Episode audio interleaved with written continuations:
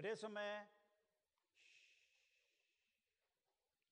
Og det som er et poeng, det er at du og meg skal få tak i at uansett hvilken livssituasjon du og meg befinner oss i, så lyder det fra Gud, Gud den allmektige, I'll never let you down. Uansett hva som var din situasjon, uansett hva som hadde forårsaka det i ditt liv, uansett hva som hadde plassert deg i den situasjonen Det er aldri noe tidspunkt hvor Gud sier nok er nok, jeg gidder ikke mer, du får fikse opp sjøl. Han sier 'I'll never let you down'. Og Jeg vil du skal eh, se en eh, video som eh, jeg så for en ukes tid siden, som gjorde et dypt inntrykk på meg. Den om to brødre, Alistair og Johnny Brownlee. De eh, deltar i noe som kalles for triatlon. Triatlon er den mest umenneskelige form for idrett som finnes. Det er meningsløst å kalle det for idrett, fordi det er jo terror. Først svømmer du 8,5 km i vann. Så, så sykler du 187 km. Og så springer du til slutt 42 000 meter. Er dere med? Det er langt. Vi går nå inn i den delen av verdenscupen i triatlon for menn. Johnny har mellom 400 og 500 meter igjen. På det tidspunktet er det tydelig at Johnny har problemer. La oss se. Johnny Brownlee may not make the finishing line. He's looking over his shoulder. He is desperately in trouble. Just get him some fluid here. He cannot be helped. I, I don't think I've ever seen this. Let's see if Alistair stops. Johnny Brownlee is No. not going to finish this race. Alistair's come, come, come. He's got him. This I have never seen this before. Henry Schoolman is going to win this race because Alistair Brownlee has stopped for his brother. I don't even know if that is allowed. I, you know this what? is incredible. I, I don't think he cares if it's allowed or that not. is the most incredible thing I have ever seen in a triathlon. Alistair Brownlee is trying to get his brother across the line. Coming down, the two Brownlees. It'll be Richard Murray on the blue carpet in just a few seconds. This is absolutely insane. Here comes Richard Murray. The two Brownlees are trying desperately to get across the line. Oh my God, Johnny Brownlee in second. It will be third across the line, Alistair Brownlee, and then can Mario Mola be fourth? That is the most insane last few meters. Please show me the path picture. Just won the most insane final two minutes of racing I've ever seen in triathlon. And whether that was legal or not Yeah. between the Brownies, That is it the wasn't, most it wasn't brotherly that. thing. Brotherly love. that was what it was. Oh Simple my- as- Alistair kunne ha vunnet det løpet. Han kunne ha vunnet den kon konkurransen. Men da han ser sin bror kollapse 400 meter fra mål, så stopper han opp. Og så legger han armen rundt han, og så må han ha sagt 'Dette skal vi klare'. Og så nærmest ber han han de neste 400-500 meterne. Han lar broren slå seg i kampen. Det interessante det var jo en annen som vant. Det var en showman som vant. Men han er det ingen som hører noe om. Interessant. Det er ikke han som er på netthinna til folk. Det som tok folk, og som dere hører reporterne er overveldet av, det er han som ikke engang spør om han faktisk holder på å bryte regler for triatlon. Fordi han ser at broren kollapser. Og så stopper han opp, og så lar han han få lov til å komme foran han i mål. En, eh, oversett, en eh, annen tekst så står det 'He pushed him home'. He pushed him home. Hvorfor kirke? For vi skal få lov til å være nettopp det for hverandre. Til å se til å våge å være så nær at når svakhetene, når nederlagene, når avsporingen skjer, så springer vi ikke forbi og sier 'bad for you'. Men vi stopper opp, og så legger vi armen rundt, og så sier vi du hva? 'Dette klarer du. Dette klarer du.' Broren Alistair eh, eh, sier i et intervju litt senere at eh, Jeg ville ha gjort det samme igjen. Og så legger han til jeg ville ha gjort det samme igjen, for uansett hvem det var.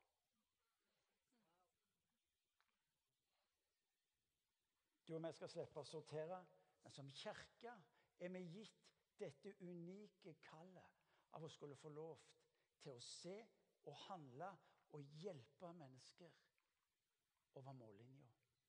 Jeg syns det er fascinerende. Og vet du hva? En dag lyder evangeliet.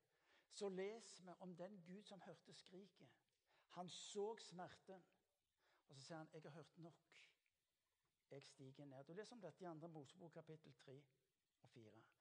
Jeg stiger ned, for jeg vil møte mitt folk. Og så sier han, 'Og jeg vil ta dem til det lovede land som jeg en dag lovte deres fedre.' Derfor kirke. Derfor det vi holder på med liv.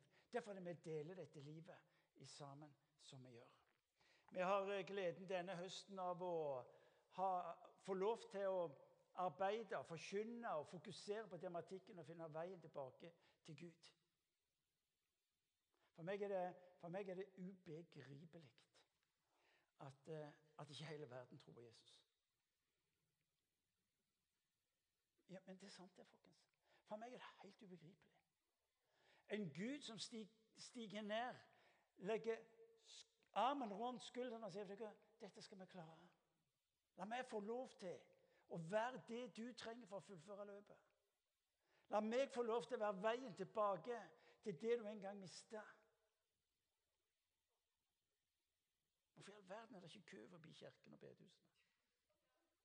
Er dere med meg? Hvorfor? Hvor, hvorfor er det ikke en desperasjon for folk å få tak i? Noe har vi mista underveis, folkens.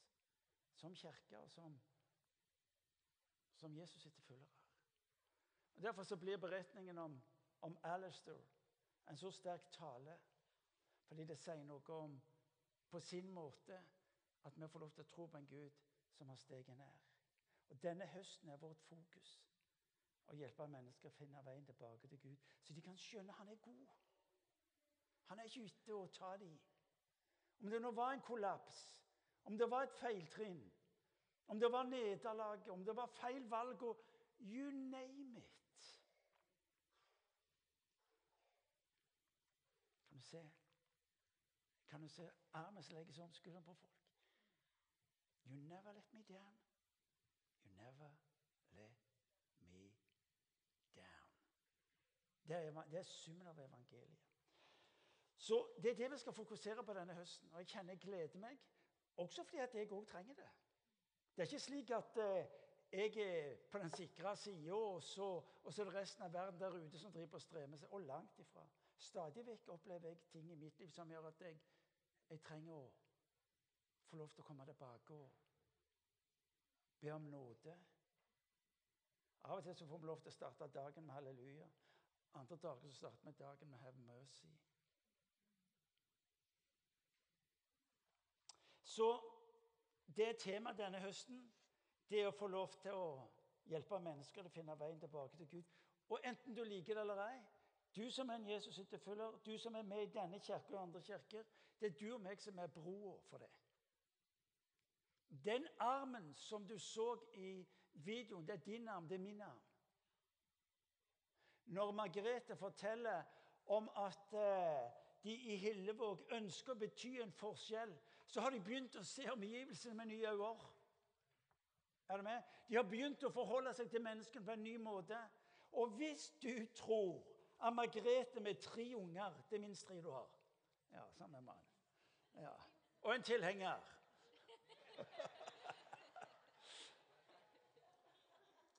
og jobb.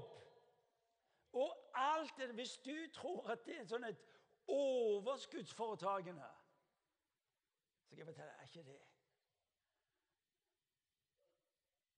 Klokka ti om kvelden ringer telefonen fra en nabo, muslimsk nabo som sier du, kan vi lese Bibelen nå, for nå har jeg tid. Om kvelden! Margrethe bare Å, endelig skal jeg få lov til å Du, Margrethe pakker sakene sammen og går bort. Legger armene omkring. for at mennesker skal se. Er dere med meg? Fabelaktig å kirke på den måten. At du er trøtt? Herlig freden. Klart du er trøtt. Men det er som med Alistair i denne videoen som du så. Han òg var trøtt. Men det er noe av det der som går på at hvis jeg kan hjelpe mennesker over linja, så er det verdt det selv om jeg sjøl taper et eller annet, må gi slipp et eller annet, må si nei til et eller annet. Er dere med meg? Ja. På anstendig vis, når gudstjenesten er ferdig, så må dere komme bort til Margrethe så må få ta på henne. Altså. Få tak i det livet. Kopiere det, bli en del av det. Fabelaktig. Margrethe, dere er enorme. Ja, jeg må se. Samle 2000 mennesker. Det er langt mer det vi gjør her i huset. Vi legger ned her. Så overtar dere hele greia.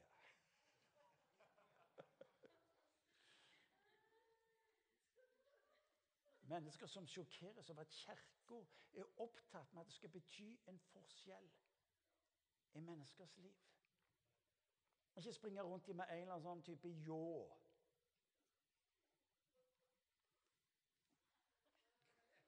De som ikke passet inn, er det noen som kapper med Nei.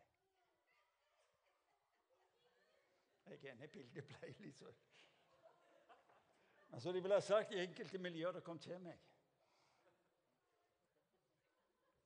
Kirkas oppgave kokes ned til å hjelpe mennesker tilbake til Gud.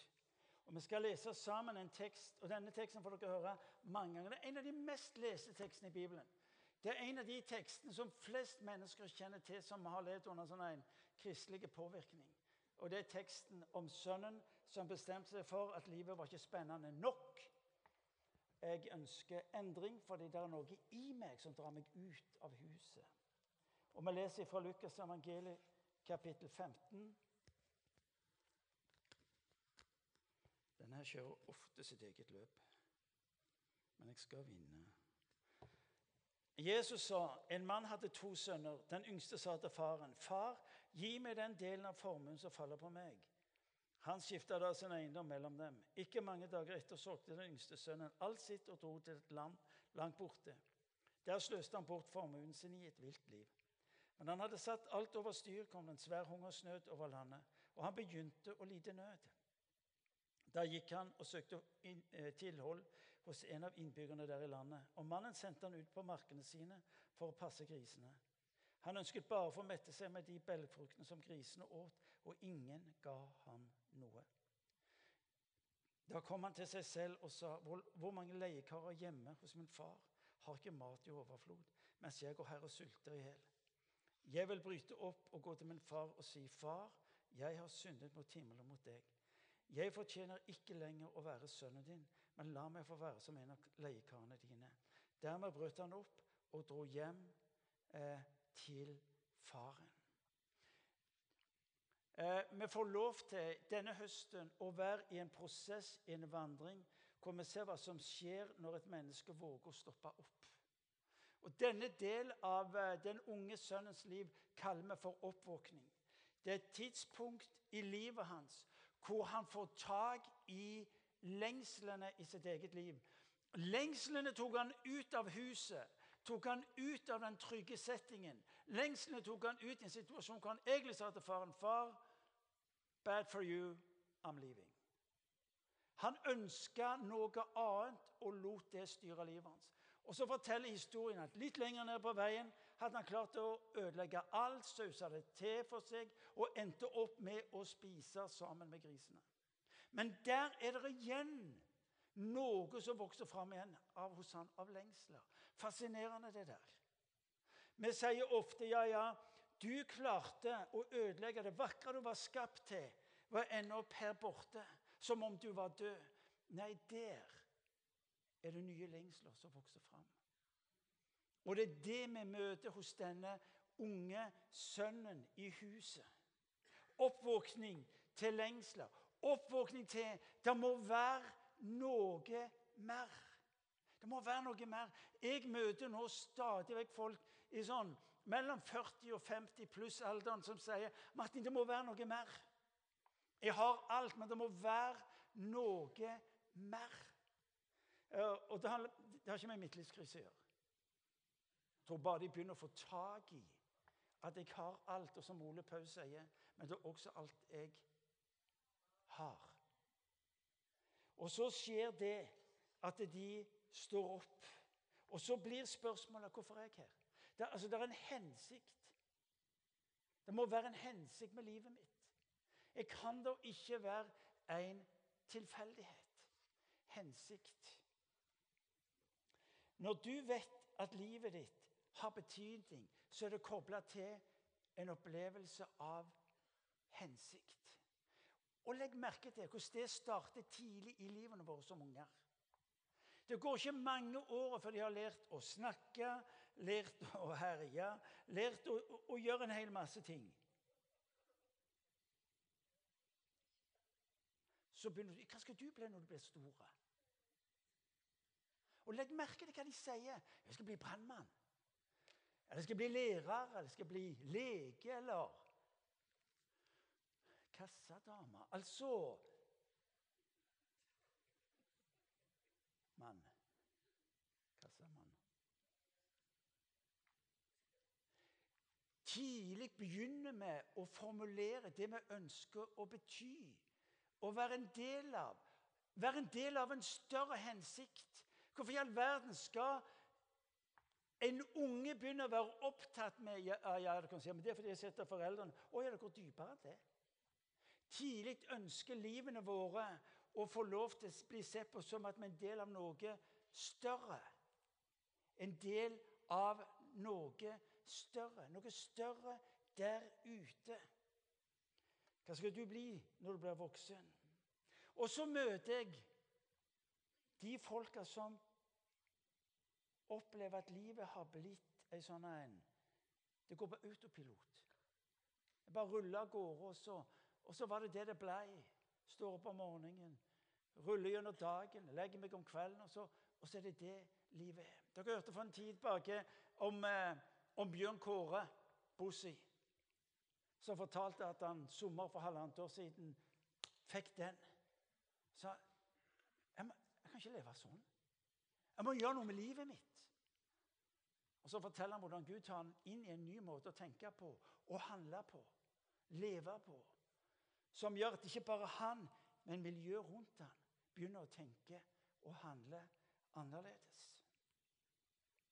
Sønnen som vi leste om, gjorde valg som var ødeleggende. Valg som var ødeleggende til sitt mål. Det var det han ønska, og det var det han klarte å gli inn i. La meg få si det, og la meg si det tydelig. Du er her med en hensikt. Du er ingen tilfeldighet. Du er ikke sånn et skudd inn i natten og en eller annen type tilfeldighet. Det står at når du var foster, så så jeg deg. Altså, I Guds øyne så er du Det er en hensikt med livet ditt. Gud ønsker å se ved ditt liv noe bli skapt. Vi leser i uh, Nytestamentet, i Efeserbrevet, så leser vi det Paulus sier i Efeserbrevet kapittel 2, vers 10. Han sier fra vers 8.: For av nåde er dere frelst ved tro. Det er ikke deres eget verk, men Guds gave. De hviler ikke på gjerninger for at ingen skal skryte av seg selv. For vi er Hans verk, skapt i Kristus Jesus til gode gjerninger, som Gud på forhånd har lagt ferdige for at vi skulle vandre i dem. For vi er Hans verk, skapt i Kristus Jesus til Gode gjerninger. Det har betydning. Du er skapt med en hensikt. Skapt med en hensikt. Du er et, i, i, i, I grunnteksten så betyr det du er et mesterverk. I Guds øyne så er du et mesterverk. Fascinerende. Mens du og meg driver på med våre regnestykker på hva som passer og hva som ikke passer, og liv som skulle vært annerledes. Vi er eksperter på regnestykker. Og spesielt regnestykker som ender opp med sånne røde tall der nede, som forteller oss at jeg er diskvalifisert. Det har noe med denne guden å gjøre. For du er skapt av meg. Du er skapt med en hensikt. Du er ingen tilfeldighet. Ingen tilfeldighet. Så hvorfor er hensikt så viktig? Kort noen få punkter. Jo, fordi at det å vite hensikten, det gir mening med livet. Vi er skapt for at livet skal ha en hensikt. Vi er skapt for at livet skal ha en mening. Når livet har en mening, vet du hva? da tåler du og meg nesten hva som helst. Uten mening, hva er poenget med å leve? Uten mening, når jeg møter motstand, så backer jeg off, og så, og så tilpasser jeg meg. Uten hensikt blir livet utholdelig. Fordi at også håpet er knytta til at livet har en mening, har en hensikt. Er dere med meg? Uten hensikt ikke håp. For håp er forankra i noe som er større enn meg sjøl. Det å vite hensikten med livet, det forenkler livet. Når jeg vet hensikten med mitt liv, ja, så tilpasser jeg. Jeg gjør valg. Jeg vet hva jeg må avsette tid til. Jeg vet hva jeg må bruke ressursene mine til. Hvis jeg vet hvorfor, så vet jeg hva jeg kan si nei til, og hva jeg si ja til. Du er ikke i stand til å si helhjertet ja hvis du først er villige til å si et helhjerta nei. Må ikke si ja til alt. Med å vite hensikten med livet, ja, så forenkler jeg livet.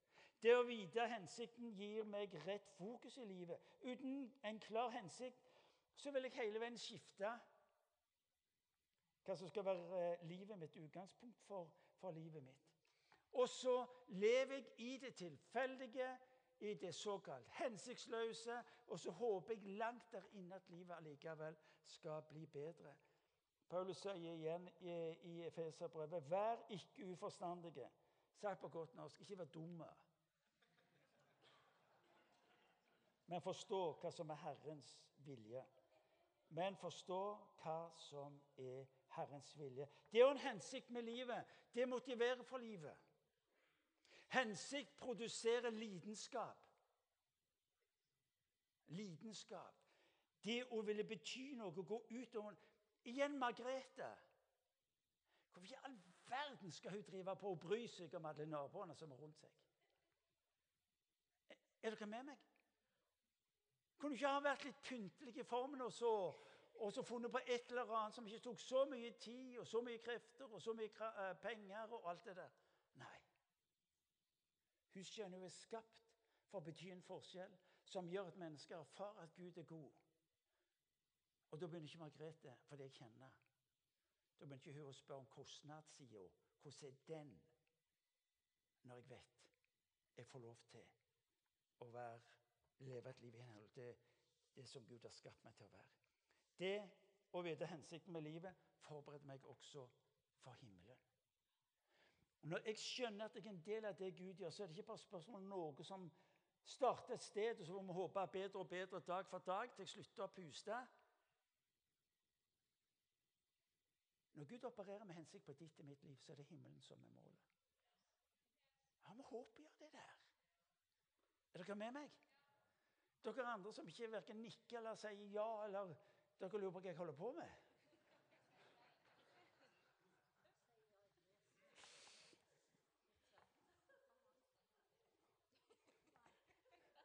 Irene sitter på første benk og sier 'kom han'. Og det kan jeg si dere. Når hun sier 'kom han', da gjør jeg det. Ja. Men når hun sitter på første benk og har den her Da tenker du hva, hva var det? Og bedre blir det ikke når hun tar den.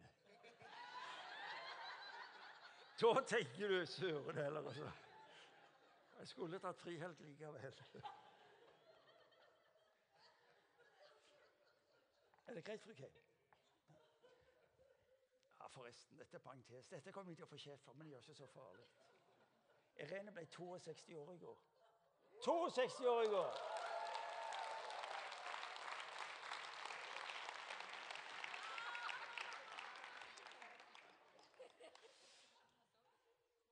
Jeg eh, har levd litt travelt den senere tida hadde avtalt dette er en parentes. Dette har ingenting med talen å gjøre. Det må dere ikke huske, men dere skal få det som en del av det personlige livet vårt. Jeg sier jo at menigheten er familie, så her kommer det. Vi skulle ha selskap i går kveld. Ja, Når er du hjemme? For jeg har reist en del og var i Oslo slutten av siste uke. Jeg er hjemme sånn i sekstida. Ja vel. Fredag morgen reiser jeg fredag ettermiddag. Så du er ikke tilbake for ni? Med gjester. Hun sa ikke så mye. Men blikket var tydelig nok.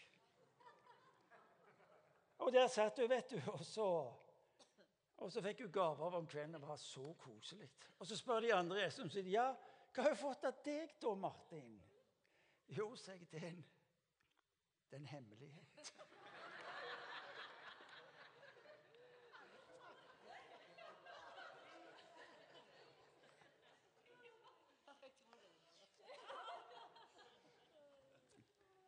Gode tips mottas med takk.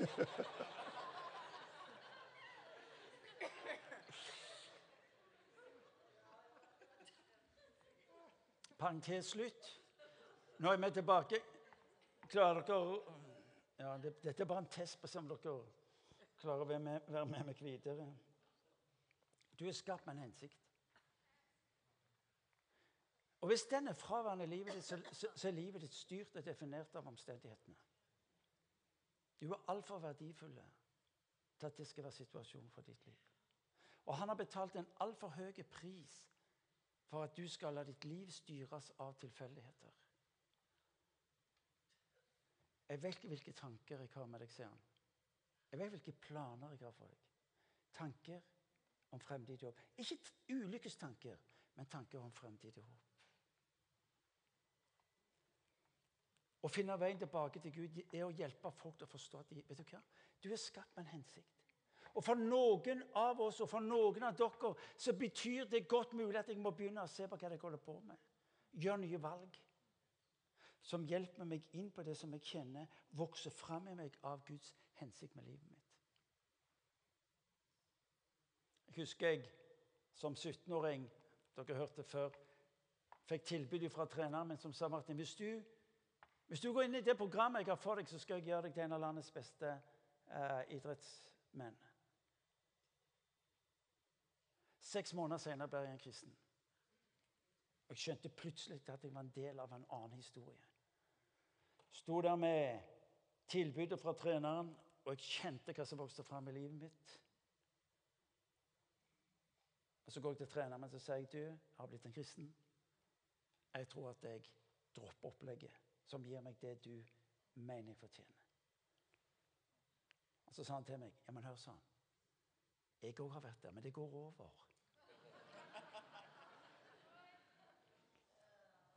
Så sa jeg til ham, vet du hva? Jeg tror ikke det. Jeg tror ikke det. Og fra den dagen, 48 år siden, november måned, 48 år siden, har jeg fått lov til å være en del av det Gud har for livet mitt. Og jeg ville aldri ha angra på det Gud har gjort inn, og som jeg får være en del av. Du er skapt med en hensikt. Du er frelst for en hensikt. Jag etter den, og ikke vær dum og redusere den til sånne overtidsprosjekt. Da mister du det. Men det er andre hindringer for folk når det gjelder å skulle finne veien tilbake. Og det er menneskene sine mange hvorfor. Noe av det som rir oss som mennesker mest, er nettopp hvorfor. Hvorfor med alt det som skjer, som virker uforståelig? Hvorfor med, med, det som jeg ikke klarer å holde sammen? Hvorfor med det som representerer lidelsen og smerten og, og det vanskelige i livet? Hvis vi kunne gått inn i livet til, til denne unge sønnen som en dag sa takk for seg til faren så er det godt mulig vi ville høre spørsmålet som spør hvorfor, hvorfor går det som det går. Hvorfor går det nedoverbakke? Hvorfor er det dårlige tider? Jeg kontrollerer det ikke lenger. Hvorfor er det ensomheten? Nå er det pengene og Ja, da var det folk, men når jeg ikke har pengene, så er de der ikke lenger. Hvorfor så tomt? Det er de mange hvorfor som også driver mennesker vekk ifra Gud. Hvorfor lidelse? Hvorfor tillater Gud lidelse? Noen få ord om det. Det er et altfor svært tema til å ta lettvint og i løpet av en kort tid. Men la meg, la meg gi noen streker på det. Det var ikke slik det var skapt. Les, vi leser fra Bibelen fra den første boka at når Gud skapte, så står det Og han sa alt var såre godt. Alt var perfekt. Det var en god plass å være. Gud skapte verden god, uten feil, uten mangler, uten problemer, uten sykdom, uten lidelse. Ingen tristhet, ingen ensomhet. Ikke vold og ikke krig. Og så vet vi at er det noe som tar oss sterkest i dag, så er det nettopp lidelsen. Og, og for meg personlig er nettopp det ondes problem, lidelsen, smerten, noe av det som jeg av og til kjenner er krevende i livet. Fordi at jeg syns lidelsen og smerten jeg ser den rundt meg, er så ubegripelig ond når jeg møter den mennesket sitt liv. Gud kunne ha skapt oss som roboter. Han kunne ha skapt oss som automater som gjorde at vi var, vi var programmert til å gjøre de rette tingene og ikke gjøre den imot. Men skal, skal kjærlighet ha en, et grunnlag for å vokse fram, så det trenges det frihet. Det trenges frihet, og det trenges frihet til valg. Da Gud skapte oss, skapte han oss ikke som roboter. Men han skapte oss med mennesker med frihet til å velge å elske Han, følge Han. Eller frihet til å ikke å elske og følge Han. Og så vendte mennesket Gud ryggen, og så arva det helvete.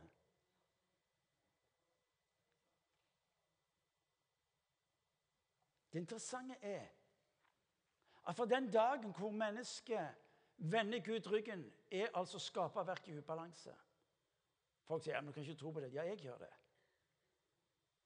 Altså Naboen sa Martin, du er rimelig oppegående. du. Tror du på alt som står i Bibelen? Om jeg er oppegående, vet jeg ikke, men, men tro på det som står i Bibelen. men så står det en uhyre interessant tekst, også det i Bibelen, som du må få med deg. fordi at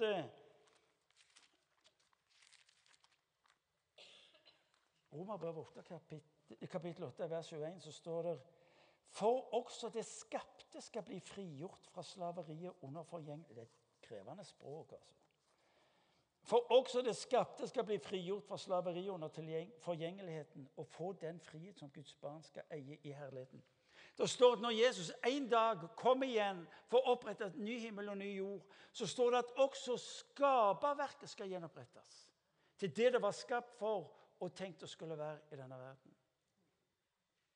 Så når mennesker på den ene sida opplever den umenneskelige og ubegripelige smerten og lidelsen, så har det noe med at menneskene en dag vendte Gud ryggen. Ja, Men hvorfor kan ikke Gud bare fikse det, da? Det er derfor vi har kirke. Fordi at Kirka skal få lov til å være et rop inn i den nøden, ensomheten, fortvilelsen, smerten, tomheten. Kirka er kalt til å være Guds svar inn i denne verden.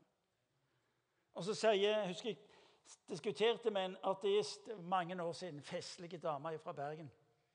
Skikkelig bergenser. Uh,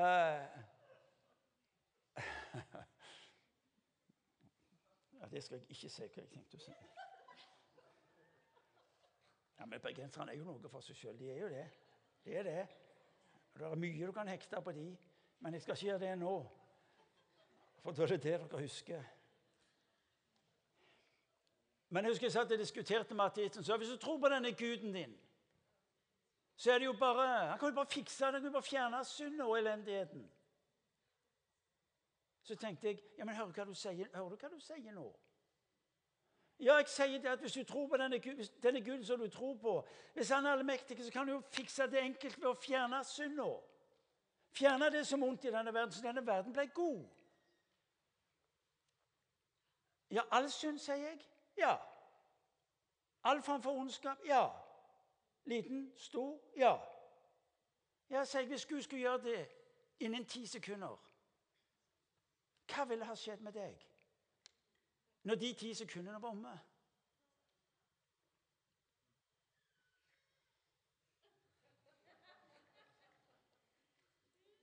Og så skjønte jo dama Ja, Hvis Gud skulle utslette all synd, så hadde hun røket, hun òg. Som alle hadde røket. Vi driver på å plassere stor synd, liten synd, mye graps, lite graps. Betyr ingenting hos Gud, det?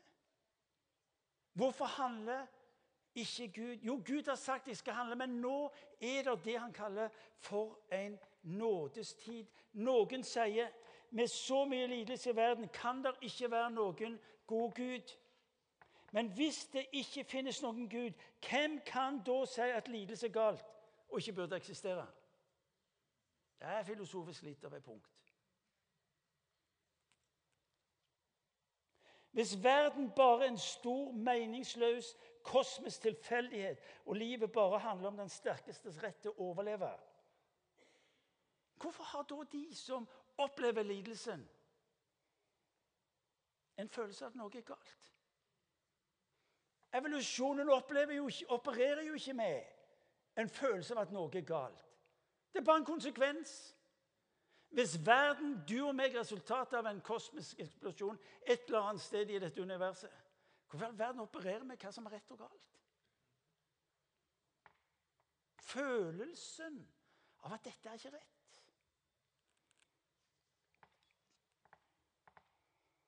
Det er en grunn til at du føler at livet ditt og verden ikke er som den burde være.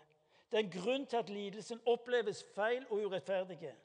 Gud ga deg og meg de følelsene, de verdiene, de bildene av hvordan mennesker skulle ha det. Din lengsel etter å se at gale ting blir retta opp, lidelsen satt den stopper for, en del av den arv som mennesket har, som skapte Guds vilje. Interessant. Jeg skal begynne å slutte. Didrich Bøhnhofer skriver i sin bok Tysk teolog og prest tatt til fange under krigen og henretta da han sammen med en gruppe utførte et attentat mot Hitler.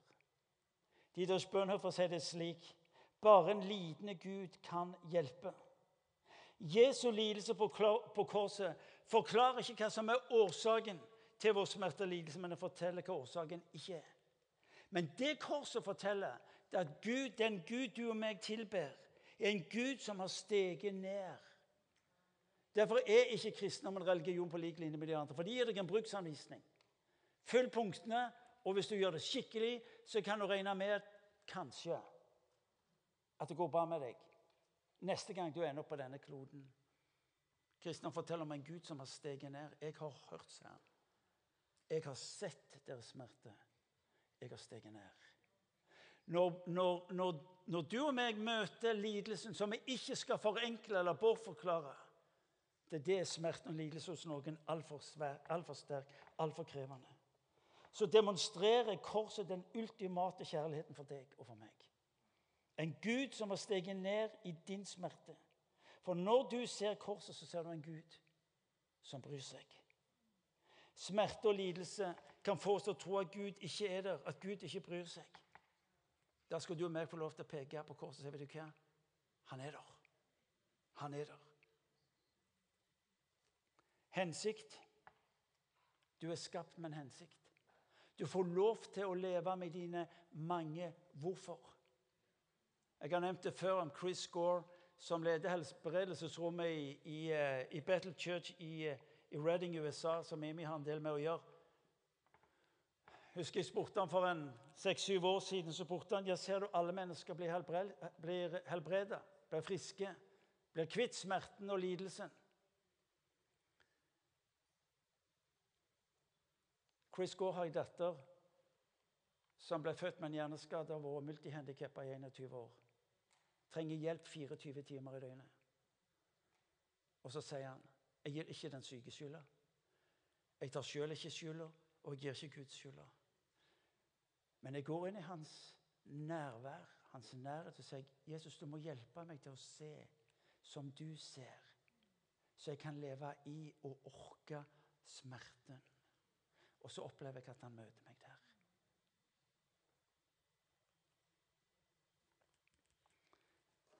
Bjørn åpna med, med ordene fra Johannes' oppbaring, hvor det står 'Se, jeg står for døren og banker'.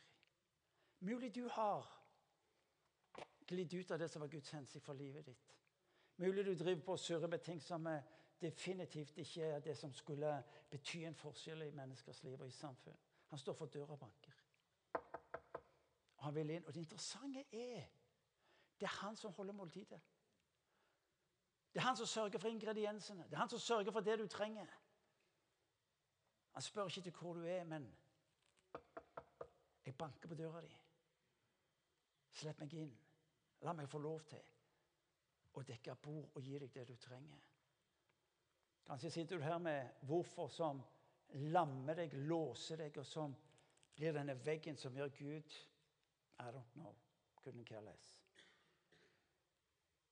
Og så selv om jeg får lov til å komme inn i livet ditt og vise at jeg er ditt svar på dine mange hvorfor. Og så er det der du skal få lov til å starte og gå videre med. La oss reise oss og la oss be.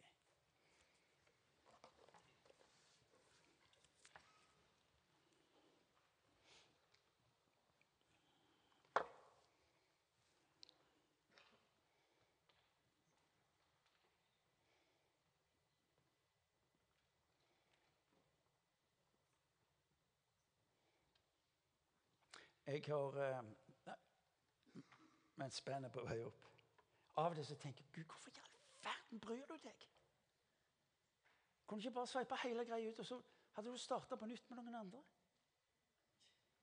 Er dere med meg? Av og til tenker Gud, hvorfor i all verden skal du bry deg? Kan du ikke bare like gjerne kvitte deg med rask, og så, og så konstruerer du noe nytt, og så fortsetter du med det? Er, er dere med meg? Ja, hvorfor gjør han ikke det? Fordi han elsker. Fordi han elsker. Dere skal være glad for at det ikke er meg som er Gud.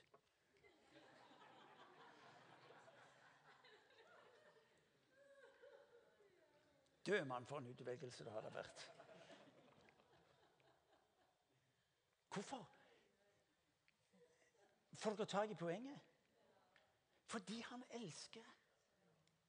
Denne verden går rundt og tror og hører ordet i god forstand, tror at Gud er forbanna på dem.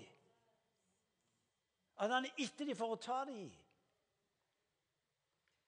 Men han er opptatt med det å fortelle hva den straffa som du skulle hatt, den har jeg tatt.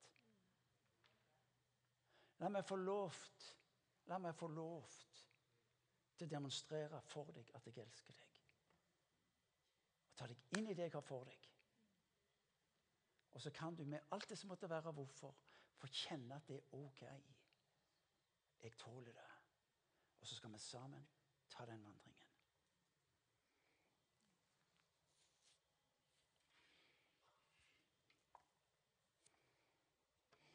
Kanskje er du her og tenker hm, veien tilbake. Du inviteres. Inviteres til det. Han ber deg ikke om å forstå alt eller ha alt på system. Han ønsker bare å være Gud i livet ditt. Ergon gyselig godt sagt. Hva vil det si å være en kristen? Det lar Gud få lov til å være Gud i livet ditt. Så enkelt. Kanskje er det for noen av oss her inne som som en Jesus sitter følger og bekjenner troen på Jesus, men det virker du har. Du har sklidd ut. Ja, finner veien tilbake. Kom deg tilbake. Bekjenn. La han få lov til å ta deg inn i det som er av seg. La oss be. Herre Jesus Kristus. Det er mye med deg jeg ikke forstår. Men jeg tror at når du sier at du elsker, så tror jeg det. Du har betalt en altfor høy pris på korset til at det der er tulleball.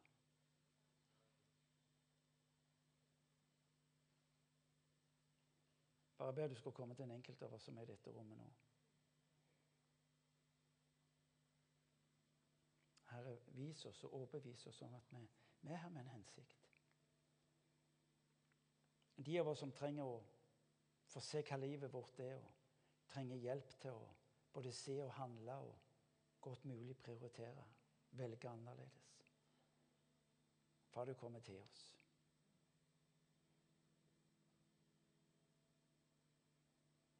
Far, du kjenner også de mange hvorfor vi bærer med oss i livet. Far, takk for at vi får lov til å vite at dine hender hos deg er det tillatt både å reise spørsmål og leve med det ubesvarte.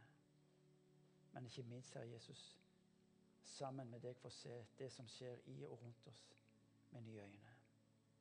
Far, velsigne flokken her i kveld. Jeg ber om at eh, vi sammen skal få lov til å kjenne dette vidunderlige og tas inn i Jesus i fellesskap med deg. Vet at du aldri vender oss ryggen. Du skal fullføre det du har begynt på i våre liv. Jesus, vi tilber deg og opphøyer ditt hellige.